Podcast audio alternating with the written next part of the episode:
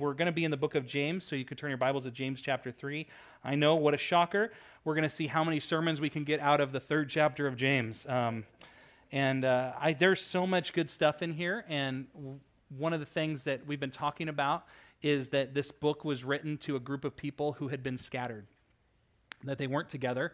Uh, and James begins his book by saying to the 12 tribes of the dispersion or to the 12 tribes that have been scattered. He's, he's writing to Christians who are run under Roman occupation. Uh, things are tough, things are rough, there's persecution.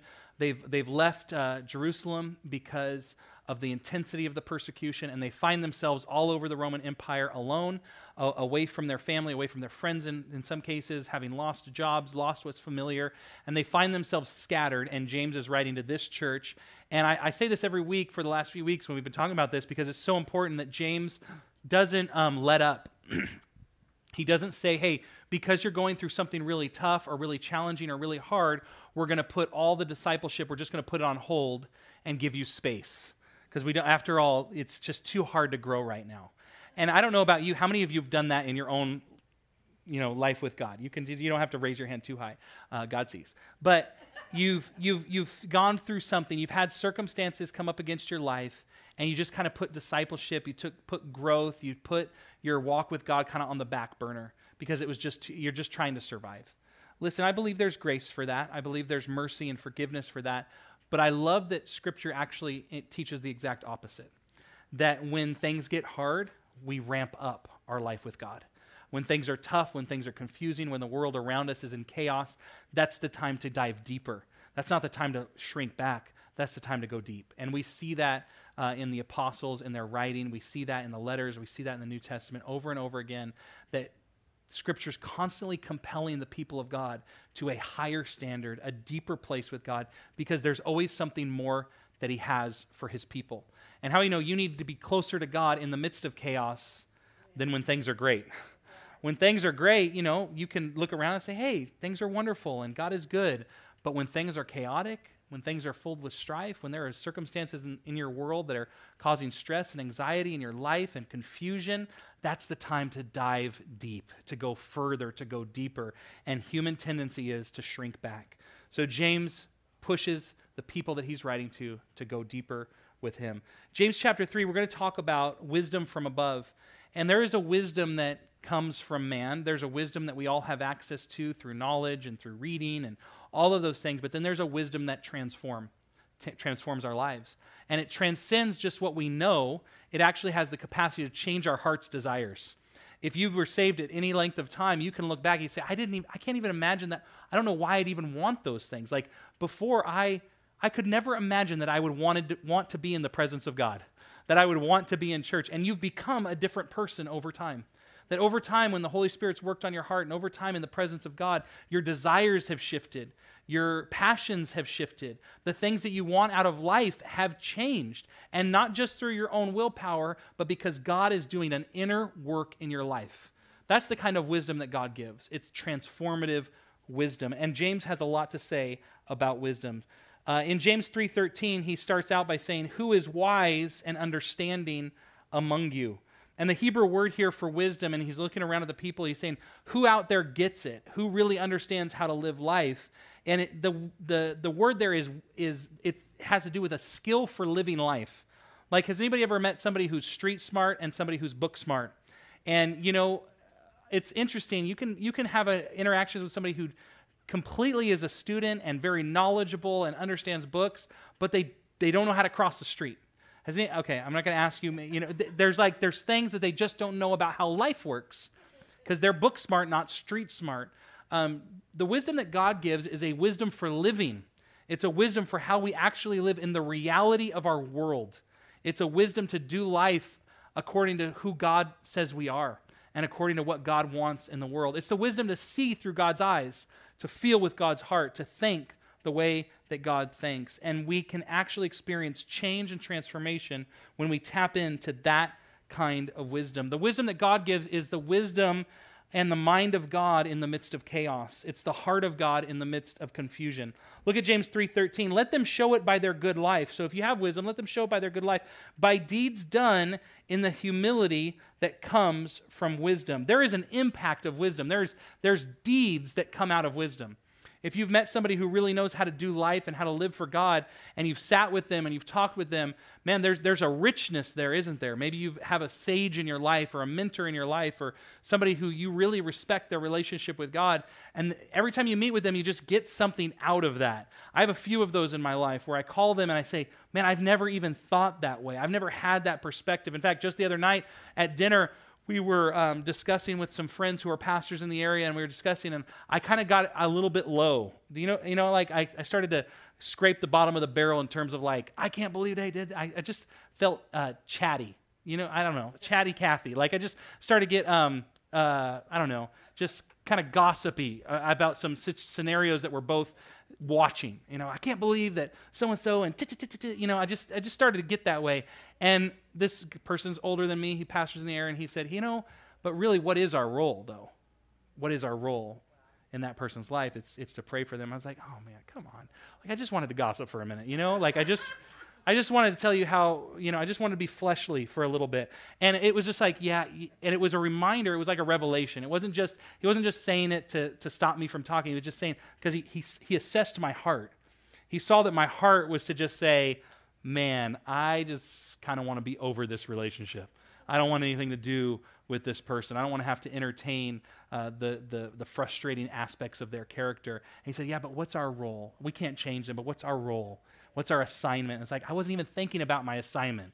I was just think I just wanted to chat. I just wanted to vent. Just wanted to tell you how I felt about them, not really what God thinks about them, but he brought it back to the right place. And it's almost corrective, doesn't it? When you when you're with somebody like that or you're in a circumstance where that there's a sageness and a wisdom that comes down and you're like, "Oh, man, I want to be the first one to think that way." I want to be the first one with those words, the one in the conversation who is having the mind of God, who is having the heart of God for the situation, who sees with God's eyes. And I believe that God wants that for us. And in the humility that comes from wisdom, how many of you know knowledge? Um, the Bible says that knowledge puffs up, but there's a wisdom that comes from God that actually produces humility. The, the humility that, that it takes to be in relationship with other people. And um, it doesn't mean that you're a pushover. And it doesn't mean that you just, you know, just, oh, we just never argue, we never talk. It's all just roses. But there is a wisdom that produces humility, and then there's a knowledge that puffs up and make one, makes one prideful. And uh, God says, I want the kind of wisdom for you that produces humility so that you can actually experience life with the people around you and live in harmony with them. A transformed life is one that can clearly see and make an impact even in the midst of chaos. That, that a, a, life that's been transformed by the wisdom of God is one that even when our world is chaotic, that life can still make an impact in the world around it. That life can still make a difference in society, a difference in their family. Wisdom that comes from God is a transformed mind in the mind and heart of God. Uh, you know, it's interesting. Sometimes we think of Christians, and maybe you've felt this in your own experience, but it's probably not when I've been preaching, but maybe when you've listened to like your favorite TV preacher or something like that, uh, you, you started to feel a sense of inferiority. Has anybody ever experienced that? Where like, man, they love God so much more than I love God. And uh, if you felt that when I was preaching, just have a conversation with my wife, and she will make sure that you no longer feel insecure about how much I love God. Um, but there's a wisdom and there's a, there's a way that we communicate that can make the people around us feel inferior to us. And, and I'll tell you what, there's a, there's a danger of comparison. Because when you compare your life to somebody else, you're left with two options. Either you're going to be better than that person, or you're going to be less than that person. Uh, if you compare your spirituality with somebody else's, even the man speaking, you compare your spirituality to them or the woman speaking, and you say, well, or I could compare it to Chris and say, man, Chris is just like, he gets the presence of God. Like, I wish I could, you know, he's just so much better, right? If we compare on any level our spirituality, our personhood, who we are as people, who God's made us to be, we're left with two options. On the one side, we're going to be better than them, which leads us to pride. Like pride and arrogance, you know? Not humility, but man, I'm so much better than that person. Like Chris, pff, I, to- I could totally lead worship better than him. Um, that's not true. Um, but I've thought it a few times. No, um, but it's not true. I could totally, and you're left with pride and arrogance. The other aspect is like, oh, Chris is just amazing and wonderful, and his relationship with God is so much deeper than mine, so much better. And now I'm left with insecurity right? So both are a pitfall. Don't compare your life. Listen, God doesn't make me better than everyone else, He makes me better than me right? He's not interested when we're gaining wisdom from God, when we're growing in God, when we're getting a wisdom that comes from heaven, it's not to make us better than anyone else or to know more than anyone else or to be more spiritual than anyone else. It's to make us better than ourselves. How many of you want to be growing? You want to be transformed. You want to you don't want to come to church just to hear a great message and to see your friends. You want to come to church because you want the mind and heart of God to take deeper root in your life that you would walk out different than when you came, that you would be further along and your perspective would shift and your heart would change and your mind would be transformed just by being in the presence of God. That's what I want, not so that I can be better than you or that you can be better than me, so that I can be better than me. I want to be better than me this morning. This morning's me was not that great, but this afternoon's me is going to be a whole lot better. All right, uh, you, you get what I'm saying. That didn't work as well. I didn't do that in the first service. It was so much better. All right. Um, so a couple of things. I like the 9 a.m. service because we're not on YouTube. Uh, we're not on the World Wide Web, web, so I can be a little bit freer. But I like the 10:30 a.m. service because it's my second. It's my second round. You know, second at bat. So if I screwed up at the 9 a.m., I get a second shot to end to not be depressed this afternoon. All right. All right, James 3 14 through 16 says this But if you harbor bitter envy and selfish am- ambition in your hearts, do not boast about it or deny the truth. And I just want to stop there. How many of you know that a harbor is a safe place for ships? Right? It's where it's where ships go to weigh anchor and they stay there because the waves don't get them, the storm doesn't get them, and they're safe during the tumultuous season.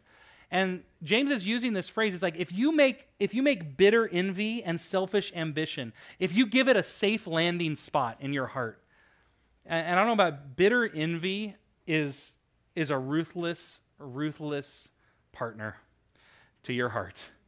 When you begin to look at somebody and want what they want, and I'm going to tell you, I, I don't know about you during the pandemic, especially during quarantine, but any, anybody develop new hobbies?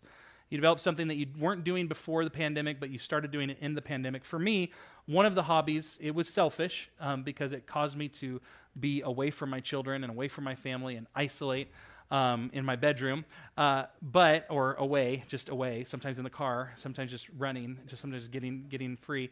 Um, but I love my I love my family. I don't want to give you the wrong impression. I love, but I do love um, you know times away as well. But I discovered YouTube, and I never had a profile before, but I created a profile. And uh, I started subscribing to YouTube channels. Does anybody do this? It's a slippery slope so I found myself, this is beginning of pandemic, like April or so, I found myself subscribing to all these channels. It was like a brand new world for me. And I'm a millennial, but I just, uh, YouTube was not on my radar.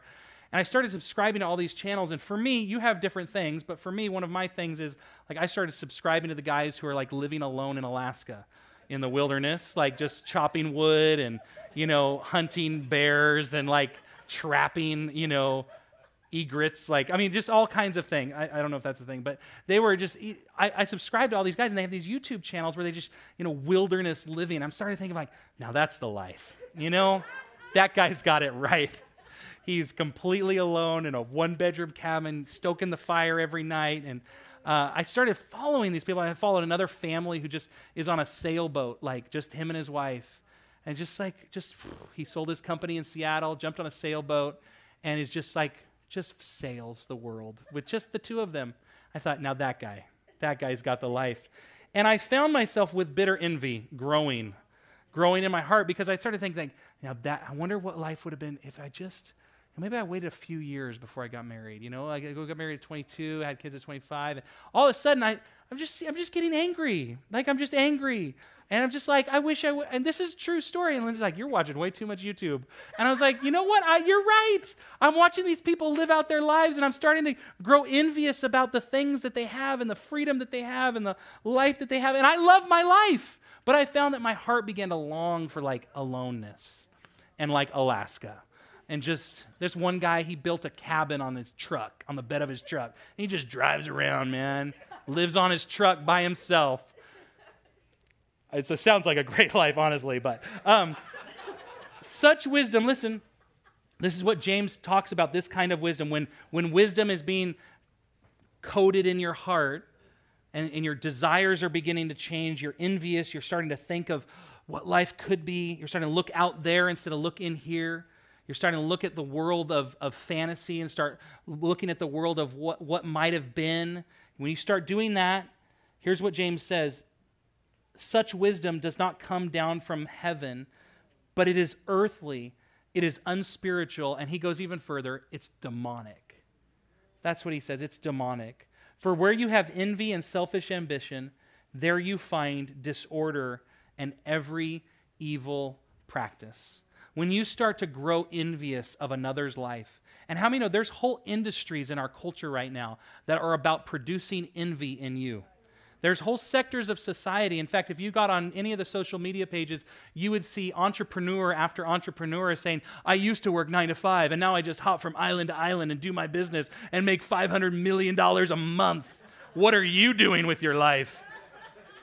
You know, just sign up here for $19.95 a month, and you too can hop from island to island to island selling, you know, trinkets on Amazon. Like literally, these are these are they're out there, right? This is on on TV. I mean, they're just selling you this.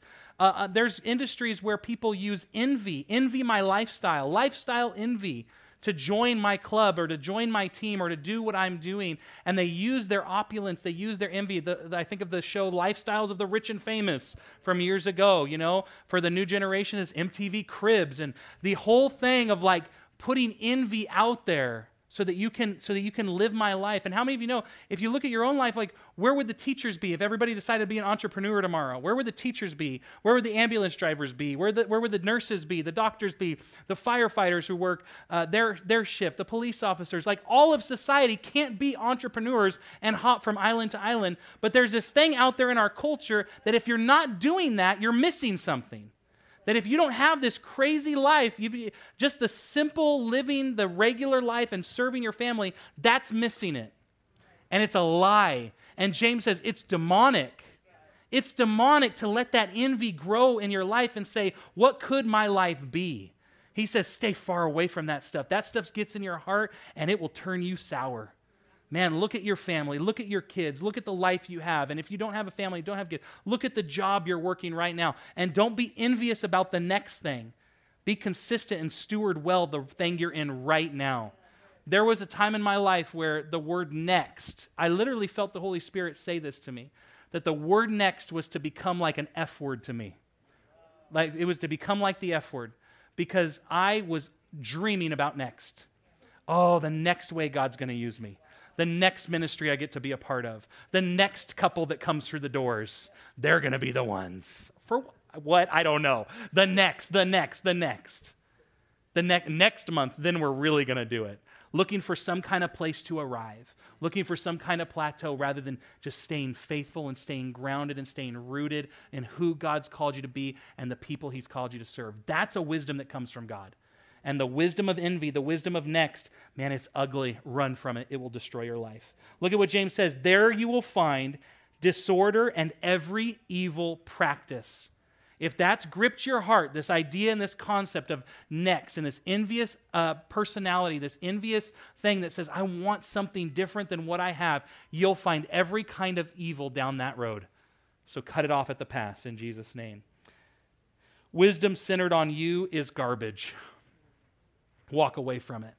Man, if you're listening to people and their goal is about you and what you can get out of life, walk away from. I love Dave Ramsey. I listen to his podcast all the time. He's the financial guru, and he's he talks about this: live like live like no one else, which is like save money and invest, and like so you can give like no one else, right? Like live like nobody else, so you can give like nobody else. And his whole thing is like, yes, invest your money, work a good job, get a career, make as much money as you can. He says, become filthy rich, basically, is his thing, and then give it away like crazy. Be a blessing to the world around you. Man, I love that mindset. I love that mentality. I think that's what Jesus, what God meant when He called Abraham. He says, "I'm going to bless you, and you're going to be a blessing to the world around you. Blessed to be a blessing." Right? It's not about you. Wisdom that's focused on you is wisdom you need to run from. What do I do when I don't know what to do? Look at James 1 5. It says this If any of you lacks wisdom, you should ask God, who gives generously to all without finding fault, and it will be given to him. What is the wisdom we're talking about? We're talking about the skill for living. Listen, we need to ask God when we don't have wisdom, when we don't know which way to go, when we don't know uh, what decision to make. I think we got, we've gotten comfortable, and, and Scripture teaches that there's wisdom in a multitude of counselors. But I do think that that can also be a pitfall. When we go to counselors first before we get the counsel of God, then we will miss the kind of conversational relationship that He wants to begin with us and that He wants to cult- cultivate with us. If you're in the habit of when you come up against a decision, the first thing you do is you Google the, the right decision. You know, like, well, I, I, just need to Google search like what that decision is an investment decision or a business decision or a career decision. If the first thing you do is go to others, oh, I need to call my parents. I need to call my mom and dad. I need to call that, that would be my parents. I need to call my aunt and uncle. I need to call this mentor. I need to call somebody else. Somebody get, some, you know, sometimes I, you know, it's, what can I say? Jesus and coffee. Uh, sometimes you, you slip, slip a little bit. Um, if you're, if you're in the habit of going to mentors before you go to God, I just say quiet your heart and let's get, let's get to Jesus first. Yeah. Let's get to God first. Don't not go to mentors, don't not go to counselors, but let's go to God first because that's probably the very seat where he wants to begin a conversational relationship with you is in the seat of decision, in the place where you're having to make decisions for your future, where you're having to need where you need wisdom. God loves that heart. Uh, there's something about desperation for God and needing an answer that causes your relationship with him to catapult in growth. Amen. So don't miss that opportunity. What does God's wisdom look like? Well, it's different than the world's wisdom. And James 3 17 through 18 is where we're going to be for the next six points. That's right, I said six. Uh, and we haven't even done one yet. Surprise. All right.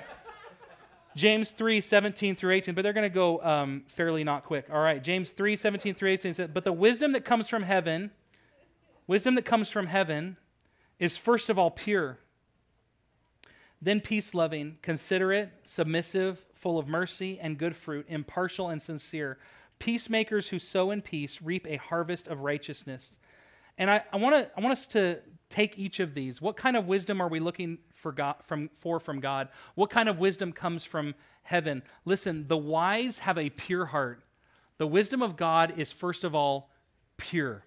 And that word purity, I was, uh, I was a 90s teenager and we would go to youth camps and we, uh, we signed purity cards that we, we were going to save our bodies for marriage. And uh, I remember signing that purity card at 14 years old and be like, yeah, man, I'm pure. And I didn't really know what I was signing, but I just signed it, you know. And I, I kind of understood. There was some. I was homeschooled, so there were some things I about like human anatomy and you know the birds and the bees that I hadn't quite processed all the way through. I was a young 14. I just let me say I was a young, younger 14 than some of today's 14 year olds. Um, if you're 14 here today, there's youth group on Tuesday nights, and uh, it's at 6:30 from 8:30, and it's much better environment than Sunday morning. No, just kidding.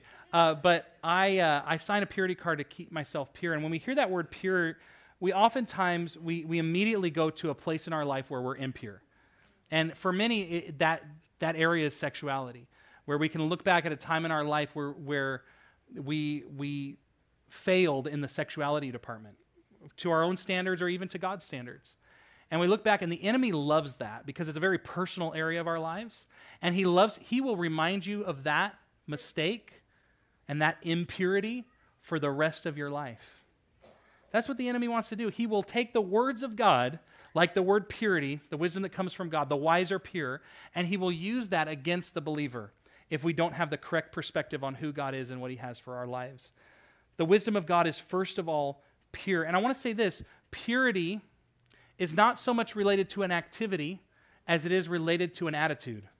And, and I'll, I'll show you here, right, in, in Titus 1 15, it says, Everything is pure to those whose hearts are pure, but nothing is pure to those who are corrupt and unbelieving, because their minds and consciousness have been corrupted. Matthew 5 8 says, Blessed are the pure in heart, for they will see God. And I, I want to talk about purity as an attitude. That wisdom that comes from God is, first of all, pure. And it means this it's wanting what's right.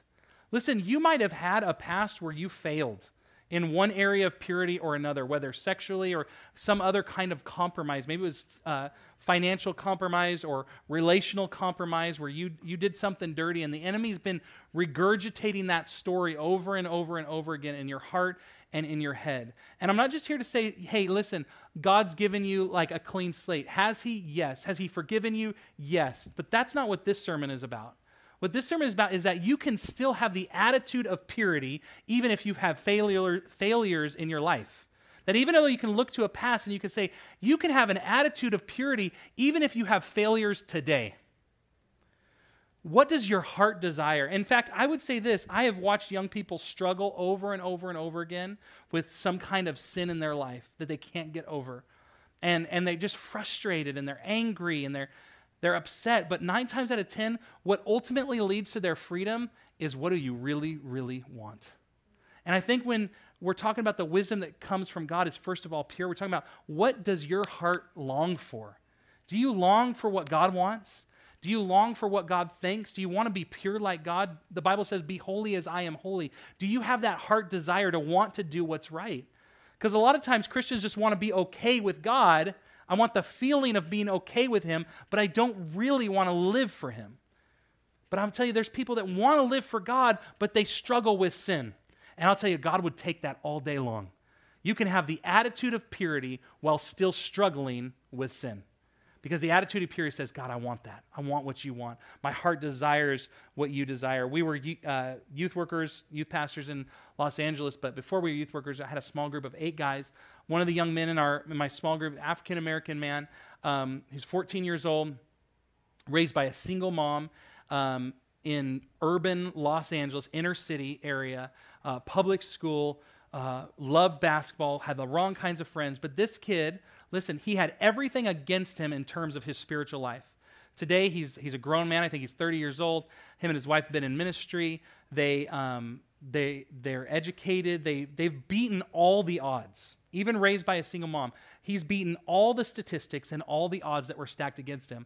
And every time my, my wife and I talk about him, we're just like, man, it's so good to see the choices that he's making. It's so good to see what he's doing with his life. And when we talk about him, remembering him when he was younger, it's like he always wanted the right thing. He just always wanted the right thing. And how you know our desires have powerful consequences in our lives. And this young man always wanted what was right. Did he struggle? Oh, yeah he struggled. Did he have ups and downs? Yes, he had ups and downs. But in his heart, at the core of who he was as a person, he's like, I want what's right. I want the things of God. I think when we're talking about purity as an attitude, we're talking about that inner conviction that you want what God wants for you, that you want the life that God's planned for you. You want his best and his highest for your life. Matthew 5 8, blessed are the poor, are the pure in heart, for they will see God. And then James 4 4 says this You adulterous people, don't you know that friendship with the world means enmity against God? Therefore, anyone who chooses to be a friend of the world becomes an enemy of God. Listen, when we're talking about purity, we're saying we need to ask ourselves the question Is there places where we're allowing impurity into our hearts? Are we allowing impurity into our hearts? And I mean, that can come down to what we watch, what we listen to, what we think about. I'll tell you this summer with my YouTube, like there was impurity in my heart because of the desires it was causing in me. It was causing me to drift. It was causing me to lose focus. It was causing me to think about the life that could be. And even though it wasn't blatant sin, how many of you know it was going to lead to sin if I didn't correct it? And I think we need to be asking ourselves the question, is there impurity in my heart that not isn't not isn't necessarily sin, but man, it shouldn't be there. Man, it shouldn't be there.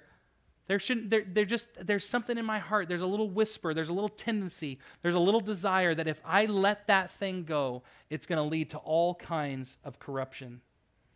James 4 8 says this Come close to God, and God will come close to you. Wash your hands, you sinners. Purify your hearts, for your loyalty is divided between God and the world. When we talk about adultery, honestly, we jump to the unfaithfulness of a spouse and we jump to the actual moment where sin happens. But there is something that happens way before the sin of adultery, and it's divided loyalty. It's when our heart just begins to drift. It's a divided uh, loyalty in our mind and our heart and our focus. And God says, He uses that example of adultery. He says, I don't want that for you and me. I want you to be all in. I want you to be 100% focused. I want you when you when you're with me, I want you to be with me and I never want you to leave. Like I want that for you. No division of loyalty. The second thing um, of what wisdom is like is that the wise love peace. The wise the wise love peace. Wisdom that comes from heaven is peace loving. We live in a culture that loves to argue. Have you noticed? Have you noticed that we live in a culture where arguments are entertainment now? Like just just watching people argue and fight over issues, it's like an inter, there's entertainment value to it. People will tune in and there's a there's a an emoji, a meme, I don't know what, you know, it's a meme I think is what the what's the ones that have motion? Are those memes when they when they have motion to them? But you'll, you'll watch on your news feed on Facebook and Instagram it, when somebody starts fighting online, right? They start arguing, and if you're not tracking with this, it's okay. You don't need to know. Like just if, if you're not in the Facebook world, stay out of it. It's a terrible world. Don't, you know, just leave it alone. Don't feel like you're missing anything. But there's this one where somebody has a popcorn, right? They have a popcorn and they start eating popcorn when two people start arguing. And you just po- you post that me like, I, I'm watching your argument because it's entertaining. And we, we live in a culture where arguing is entertainment, fighting is entertainment. We live in a contrarian culture where to be contrary with one another is a form of, of entertainment. How many of you would love the next time that you saw a political debate? That there were two people on the stage talking, and as somebody described their beliefs and their values, the other person said, Huh, I never thought of it that way. You are absolutely right, and you just changed my mind. You know what? You've never seen that on a political stage, and it's a shame. And it's because we're operating with the wisdom of the world, not the wisdom of God. Because as believers, we should be able to sit down with somebody and have a conversation with them. And there should be times where we can say, huh, I never thought of it that way. I, y- you might be changing my mind. And listen, I'm not, you know, there's some things that your mind should not change on. And if you want a list, I'll give you one after the service. The, but there are things that we're so dogmatic about, and we haven't heard the other side of the story. We're not listening. Christians should be leading the way in conversation, should be leading the way in what it means to walk out wisdom in relationships. I would love for a day where you saw that on a political stage. Man, yeah, you, you know what? I never thought we could govern that way. All right. James 1:20 says this, human anger does not produce the righteousness that God desires. Proverbs 14:29, a wise man controls his temper. He knows that anger causes mistakes. Anybody ever make a mistake when you're mad? Proverbs 20, verse 3 it's a mark of good character to avert quarrels, but fools love to pick fights. James says that the wise love peace. They're peace loving. I, you should love it when people get along. Man, when people come together and they get along and nobody's fighting and nobody's arguing, I, will use a, an expression of a friend don't take a turd in the punch bowl and start some kind of argument with everybody.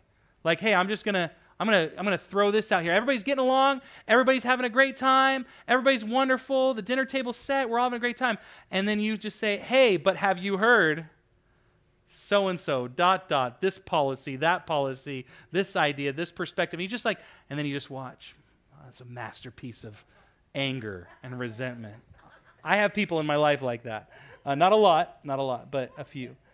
Conflict, listen, conflict cannot continue without your participation. Conflict can't continue unless you participate. You know what I realized? Every fight I've ever been in, every argument I've been in, I was there for it. I was, I was there for it. Every fight, every argument, every controversy, every quarrel, I was present. Conflict can't continue if you just remove yourself from the situation or remove yourself from the argument because you value the relationship. We shouldn't be fighting about everything. We shouldn't have to express our opinions about everything. The wise consider it. James 3 again, 17. But the wisdom that comes from heaven is considerate. It's considerate. And, and really, like, it considers it, it thinks about it. How many know it, life would be tremendously better if we just operated in the wisdom of heaven and just thought about the things we said before we said them? Our, our marriages would be better. Our families would be better. Our church would be better. Our community could transform if we just simply thought about the things that we said before we said them and even thought about the other side and the perspective that's being shared with us. Who is wise and understanding among you? Understanding. Who, who will understand the issues? Who will sit back? And, and I want to paint the picture again. Who's James talking to? He's talking to a people that are up against Roman occupation. It, it, if you could compare any society in human history to the one that they were in and the pressure that they were under, you could probably use us as a comparison for the paganism. Certainly not us for a comparison of the per- persecution, but for the paganism, yes. and you, they're living in a society, and James is saying, I need you to operate in wisdom so that you can still make an impact in your world. Because if you don't operate in the wisdom of heaven, you'll, you'll stop making an impact in people's lives. Worship team, you can come on forward. We got a couple more, but as they get ready, I'm going to go through them. That's for it's really the worship team coming up is really for you, not for me. Um, it's just so you get come, you know, you know where the plane's getting ready to land.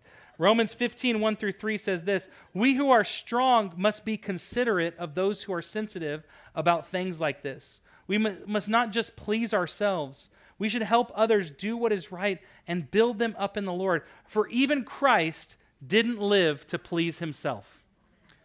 Man, when it comes to Christian living, when it comes to the wisdom from heaven, there is a releasing of our right to be right.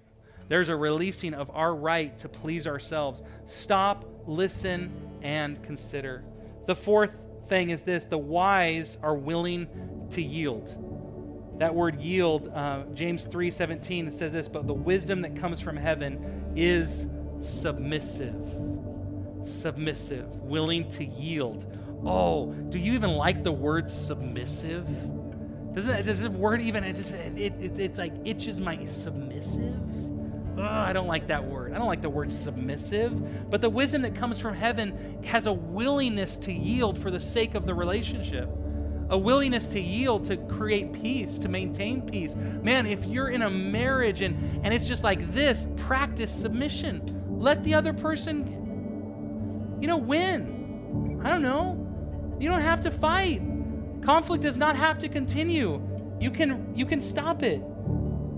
Proverbs 12:15 says this, "Fools think their own way is right, but the wise listen to others."